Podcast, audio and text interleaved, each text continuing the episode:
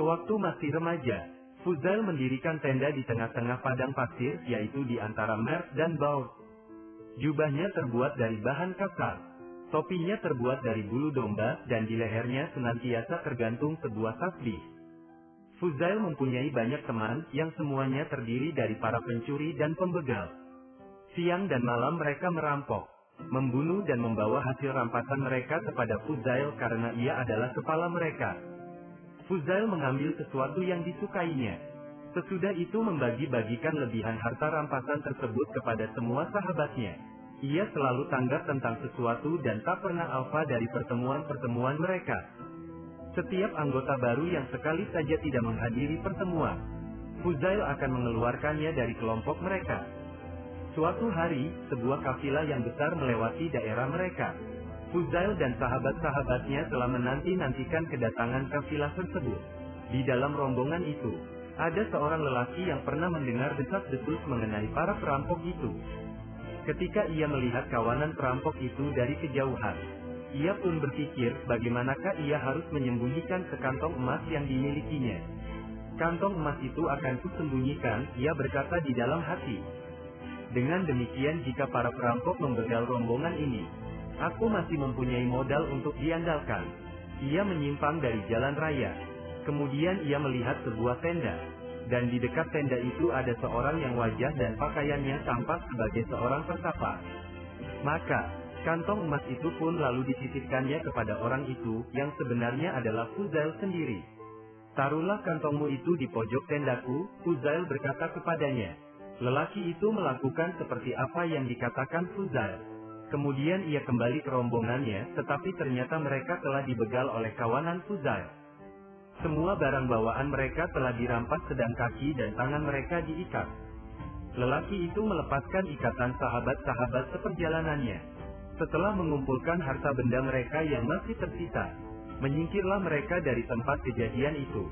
Lelaki tadi kembali ke tenda Fuzail untuk mengambil kantong emasnya. Ia melihat Fuzail sedang berkerumun dengan kawanan perampok dan membagi-bagikan hasil rampasan mereka. Celaka, ternyata aku telah menitipkan kantong emasku kepada seorang maling, lelaki itu mengeluh. Tetapi Fuzail yang dari kejauhan melihatnya, memanggilnya dan dia pun datang menghampiri. Apakah yang engkau kehendaki? Lelaki itu bertanya kepada Fuzail. Ambillah barangmu dari tempat tadi dan setelah itu tinggalkanlah tempat ini. Lelaki itu segera berlari ke tenda Fuzail, mengambil kantong emas dan meninggalkan mereka. Dengan keheranan, teman-teman Fuzail berkata, dari seluruh kafilah itu kita tidak mendapatkan satu dirham pun di dalam bentuk tunai. Tetapi mengapa engkau mengembalikan sepuluh ribu dirham itu kepadanya? Fuzail menjawab, ia telah mempercayaiku, seperti aku mempercayai Allah akan menerima taubatku suatu hari nanti. Aku hargai kepercayaannya itu agar Allah menghargai kepercayaanku pula. Pada hari yang lain, mereka membegal kafilah pula dan merampas harta benda mereka. Ketika kawanan Fuzail sedang makan, seorang anggota kafilah itu datang menghampiri mereka dan bertanya, Siapakah pemimpin kalian? Kawanan perampok itu menjawab, Ia tidak ada di sini.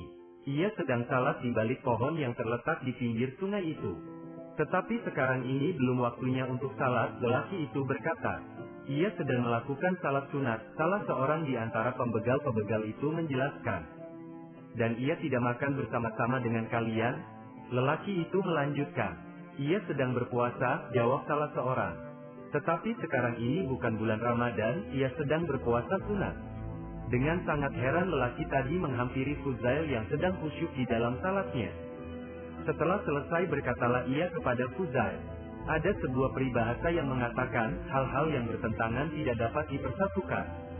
Bagaimanakah mungkin seseorang berpuasa, merampok, salat dan membunuh orang muslim pada waktu yang bersamaan?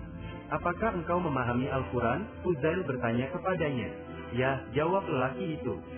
Tidakkah Allah yang Maha Kuasa berkata, orang-orang lain telah mengakui dosa-dosa mereka, dan mencampuradukan perbuatan-perbuatan yang baik dengan perbuatan-perbuatan yang aniaya, Lelaki itu terdiam tidak dapat berkata apa-apa. Orang-orang mengatakan bahwa, pada dasarnya Fuzail adalah seorang yang berjiwa satria dan berhati mulia.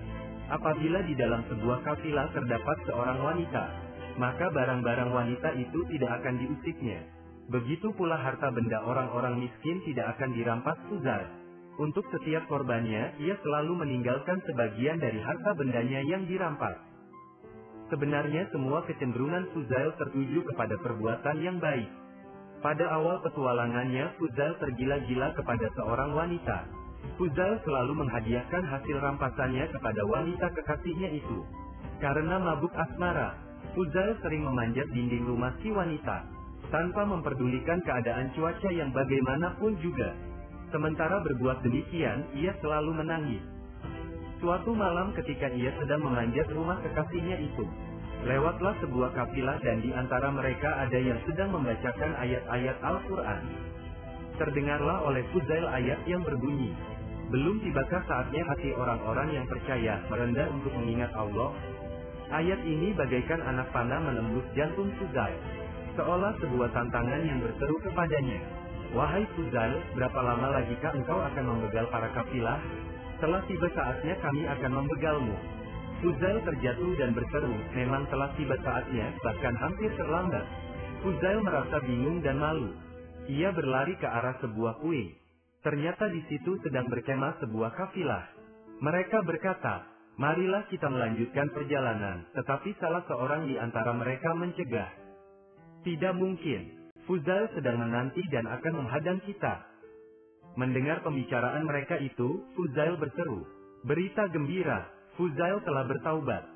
Setelah berseru demikian ia pun pergi. Sepanjang hari ia berjalan sambil menangis. Hal ini sangat menggembirakan orang-orang yang membenci dirinya. Kepada setiap orang di antara sahabat-sahabatnya, Fuzail meminta agar janji setia di antara mereka dihapuskan. Akhirnya hanya tersisa seorang Yahudi di bawah. Fuzail meminta agar janji setia di antara mereka berdua dihapuskan. Namun si Yahudi tidak mau dibujuk. Sekarang kita dapat mengolok-olok pengikut Muhammad, si Yahudi berbisik kepada teman-temannya. Jika engkau menginginkan aku untuk menghapuskan janji setia yang telah kita ikrarkan itu, maka ratakanlah bukit itu. Si Yahudi berkata kepada Fuzail sambil menunjuk ke arah sebuah bukit pasir. Bukit itu tidak mungkin dapat dipindahkan oleh seorang manusia, kecuali untuk waktu yang sangat lama. Fuzail yang malang mulai mencangkul bukit itu sedikit demi sedikit. Tetapi bagaimanakah tugas tersebut dapat diselesaikan? Pada suatu pagi, ketika Fuzail sangat letih, sekonyong-konyong datanglah angin kencang yang meniup bukit pasir tersebut hingga rata.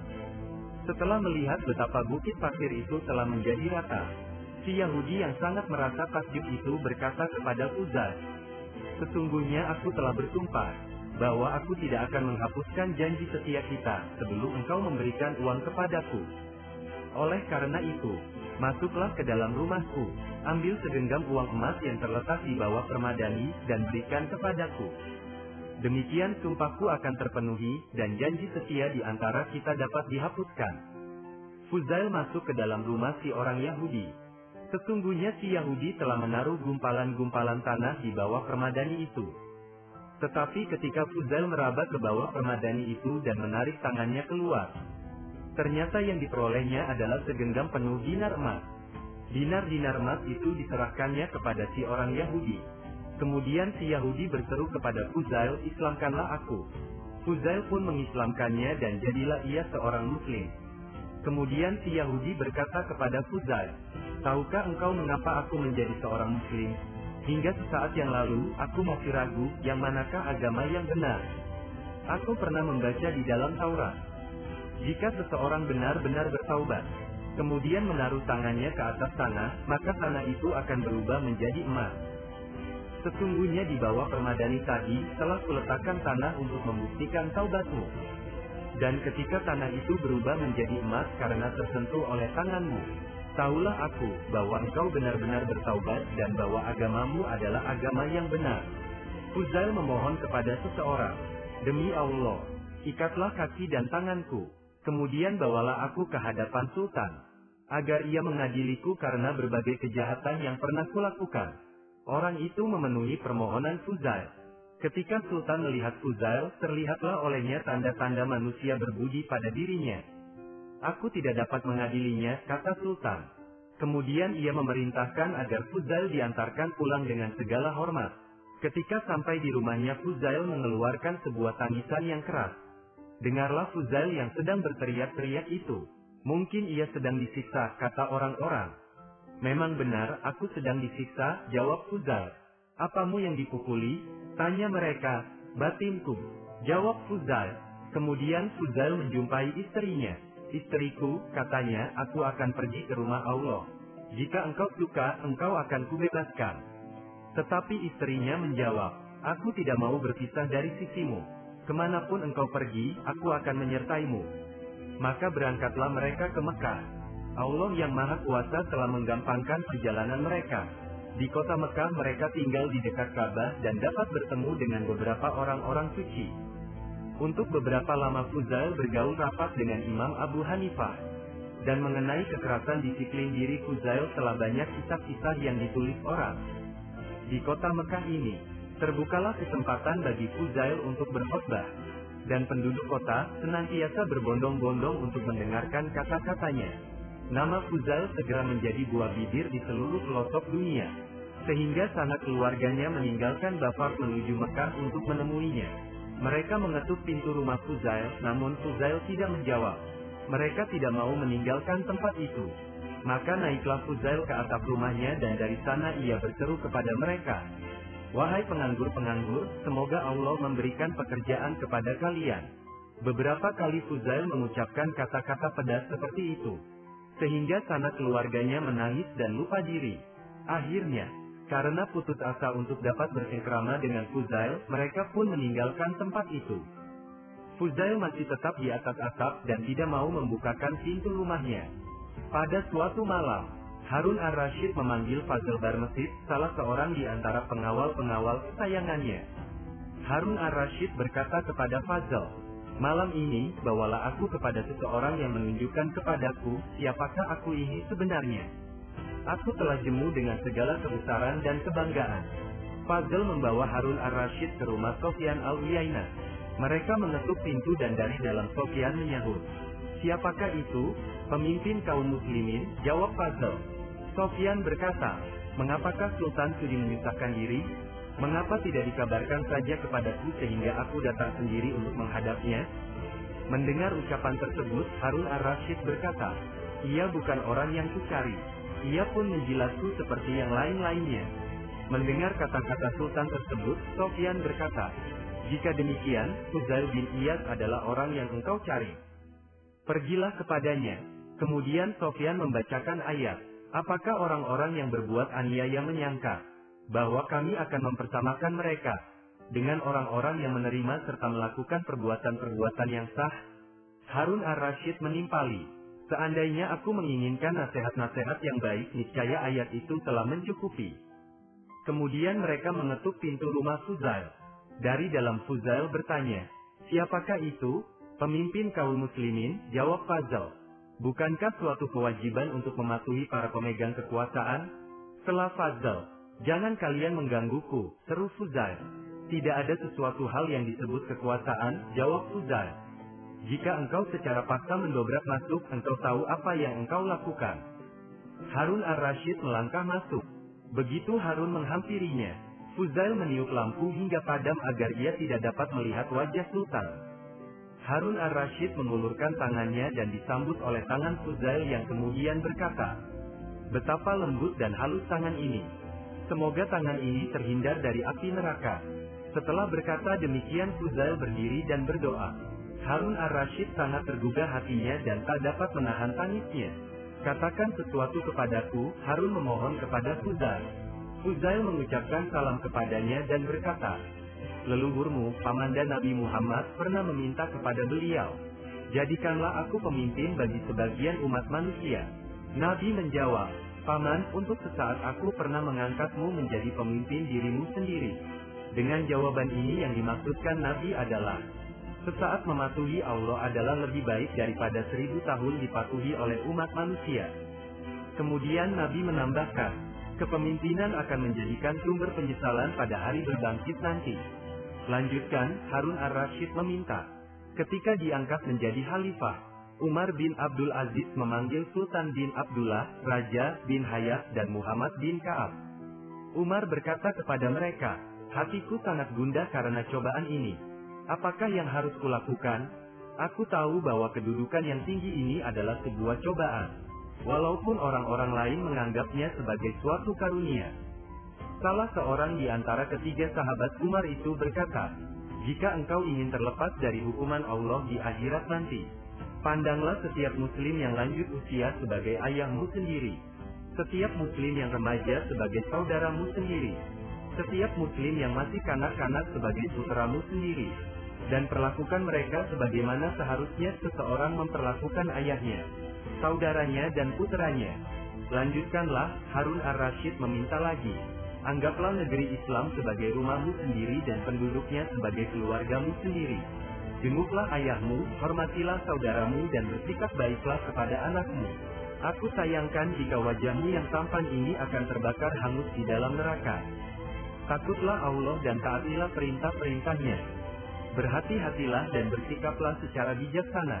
Karena pada hari berbangkit nanti, Allah akan meminta pertanggungjawabanmu, sehubungan dengan setiap muslim, dan dia akan memeriksa apakah engkau telah berlaku adil kepada setiap orang. Apabila ada seorang wanita uzur, yang tertidur dalam keadaan lapar, di hari berbangkit nanti, ia akan menarik pakaianmu dan akan memberi kesaksian yang memberatkan dirimu. Harun ar-Rashid menangis dengan sangat getirnya, sehingga tampaknya ia akan jatuh pingsan. Melihat hal ini Wasri Fazal menyentak Suzal. Cukup, engkau telah membunuh pemimpin kaum muslimin. Diamlah Haman, engkau dan orang-orang yang seperti engkau inilah yang telah menjerumuskan dirinya. Kemudian engkau katakan aku yang membunuhnya. Apakah yang kulakukan ini suatu pembunuhan? Mendengar kata-kata Fuzail ini, tangis Harun ar-Rashid semakin menjadi-jadi. Ia menyebut Muhammad. Kata Harun ar-Rashid sambil memandang Fazal karena ia mempersamakan diriku dengan Firaun. Kemudian Harun bertanya kepada Fuzail, Apakah engkau mempunyai hutang yang belum dilunaskan? Ya, jawab Fuzail, hutang kepatuhan kepada Allah. Seandainya dia memaksaku untuk melunasi hutang ini, celakalah aku. Yang ku maksudkan adalah hutang kepada manusia Fuzail, Harun menegaskan. Aku bersyukur kepada Allah, yang telah mengaruniakan kepadaku sedemikian berlimpahnya. Sehingga tidak ada keluh kesah yang harus kusampaikan kepada hamba-hambanya. Kemudian Harun ar-Rashid menaruh sebuah kantong, yang berisi seribu dinar di hadapan Fuzail sambil berkata, ini adalah uang halal yang diwariskan ibuku. Tetapi Fuzail mencela, wahai pemimpin kaum muslimin, nasihat-nasihat yang kusampaikan kepadamu ternyata tidak ada faedahnya. Engkau bahkan telah memulai lagi perbuatan salah dan mengulangi kezaliman. Perbuatan salah apakah yang telah kulakukan? Tanya Harun ar-Rashid. Aku menyerumu ke jalan keselamatan, tetapi engkau menjerumuskan aku ke dalam godaan. Bukankah hal itu merupakan suatu kesalahan? Telah kukatakan kepadamu, kembalikanlah segala sesuatu yang ada padamu kepada pemiliknya yang berhak. Tetapi engkau memberikannya kepada yang tidak pantas menerimanya. Percuma saja aku berkata-kata. Setelah berkata demikian, Uzail berdiri dan melemparkan uang-uang emas itu keluar. Benar-benar seorang manusia hebat. Harun ar-Rashid berkata ketika ia meninggalkan rumah Uzail. Sesungguhnya Fuzail adalah seorang raja bagi umat manusia. Ia sangat belak-belakan dan dunia ini terlampau kecil dalam pandangannya. Suatu hari, Fuzail memangku anak yang berumur empat tahun. Tanpa disengaja, bibir Fuzail menyentuh pipi anak itu. Sebagaimana yang sering dilakukan seorang ayah kepada anaknya. Apakah ayah cinta kepadaku? Si anak bertanya kepada Fuzail. Ya, jawab Fuzail. Apakah ayah cinta kepada Allah? Ya, berapa banyak hati yang ayah miliki? Satu, jawab Fuzail. Dapatkah ayah mencintai dua hal dengan satu hati? Si anak meneruskan pertanyaannya. Fuzail segera sadar bahwa yang berkata-kata itu bukanlah anaknya sendiri. Sesungguhnya kata-kata itu adalah sebuah petunjuk ilahi. Karena takut dimurkai Allah, Fuzail memukul-mukulkan kepalanya sendiri dan memohon ampunan kepadanya. Ia renggut kasih sayangnya kepada si anak kemudian dicurahkannya kepada Allah semata-mata. Pada suatu hari Fuzail sedang berada di padang Arafah. Semua jamaah yang berada di sana menangis. Meratap, memasrahkan diri dan memohonkan ampun dengan segala kerendahan hati. Maha besar Allah. Seru Fuzail, jika manusia sebanyak ini, secara serentak menghadap kepada seseorang. Dan mereka semua meminta sekeping uang perak kepadanya, apakah yang akan dilakukannya? Apakah orang itu akan mengecewakan manusia-manusia yang banyak ini? Tidak. Jawab orang ramai. Jadi, Fuzail melanjutkan. Sudah tentu bagi Allah yang maha besar. Untuk mengampunkan kita semua, adalah lebih mudah daripada bagi orang tadi untuk memberikan sekeping uang perak. Dia adalah yang maha kaya di antara yang kaya. Dan karena itu, sangat besar harapan kita bahwa dia akan mengampuni kita semua. Putra Fuzail menderita susah buang air kecil. Fuzail berlutut di dekat anaknya dan mengangkat kedua tangannya sambil berdoa. Ya Allah, demi cintaku kepadamu, sembuhkanlah ia dari penyakit ini. Belum sempat Fuzail bangkit dari duduknya, si anak telah segar bugar kembali. Di dalam doanya Fuzail sering mengucapkan, Ya Allah, ampunilah aku karena engkau menghukumku karena engkau maha berkuasa atas diriku. Kemudian ia melanjutkan, Ya Allah, engkau telah membuatku lapar dan telah membuat anak-anakku lapar. Engkau telah membuatku telanjang dan telah membuat anak-anakku telanjang. Dan engkau tidak memberikan pelita kepadaku ketika hari telah gelap. Semua itu telah engkau lakukan terhadap sahabat-sahabatmu. Karena keluhuran spiritual, apakah Fuzail telah menerima kehormatanmu ini? Selama 30 tahun, tidak seorang pun pernah melihat Fuzail tersenyum, kecuali ketika putranya meninggal dunia. Pada waktu itulah orang-orang melihat Fuzail tersenyum. Seseorang menegurnya, Guru, mengapakah engkau justru tersenyum di saat-saat seperti ini? Aku menyadari bahwa Allah menghendaki agar anakku mati. Aku tersenyum karena kehendaknya telah terlaksana, jawab Fuzail. Fuzail mempunyai dua orang anak perempuan. Menjelang akhir hayatnya Fuzail menyampaikan wasiat terakhir kepada istrinya. Apabila aku mati, bawalah anak-anak kita ke Gunung Abu Kabai. Di sana tengadahkan wajahmu dan berdoalah kepada Allah. Ya Allah, Fuzail menyuruhku untuk menyampaikan pesan-pesannya kepadamu. Ketika aku hidup kedua anak-anak yang tak berdaya ini telah kulindungi sebaik-baiknya. Tetapi setelah engkau mengurungku di dalam kubur, mereka kuserahkan kepadamu kembali. Setelah Fuzail dikebumikan, istrinya melakukan seperti yang dipesankan kepadanya. Ia pergi ke puncak gunung Abu Kabais membawa kedua anak perempuannya. Kemudian ia berdoa kepada Allah sambil menangis dan meratap. Kebetulan pada saat itu pangeran dari negeri Yaman beserta kedua putranya melalui tempat itu.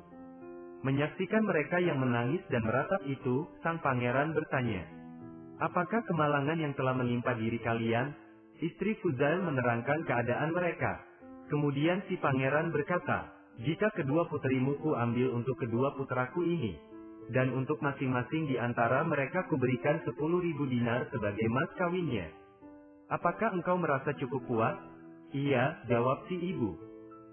Segeralah sang pangeran mempersiapkan tandu-tandu, permadani-permadani dan brokat-brokat. Kemudian membawa si ibu beserta kedua putrinya ke negeri Yaman. Kisah ini diambil dari kitab Tazkiratul Aulia karya Fariduddin Atar.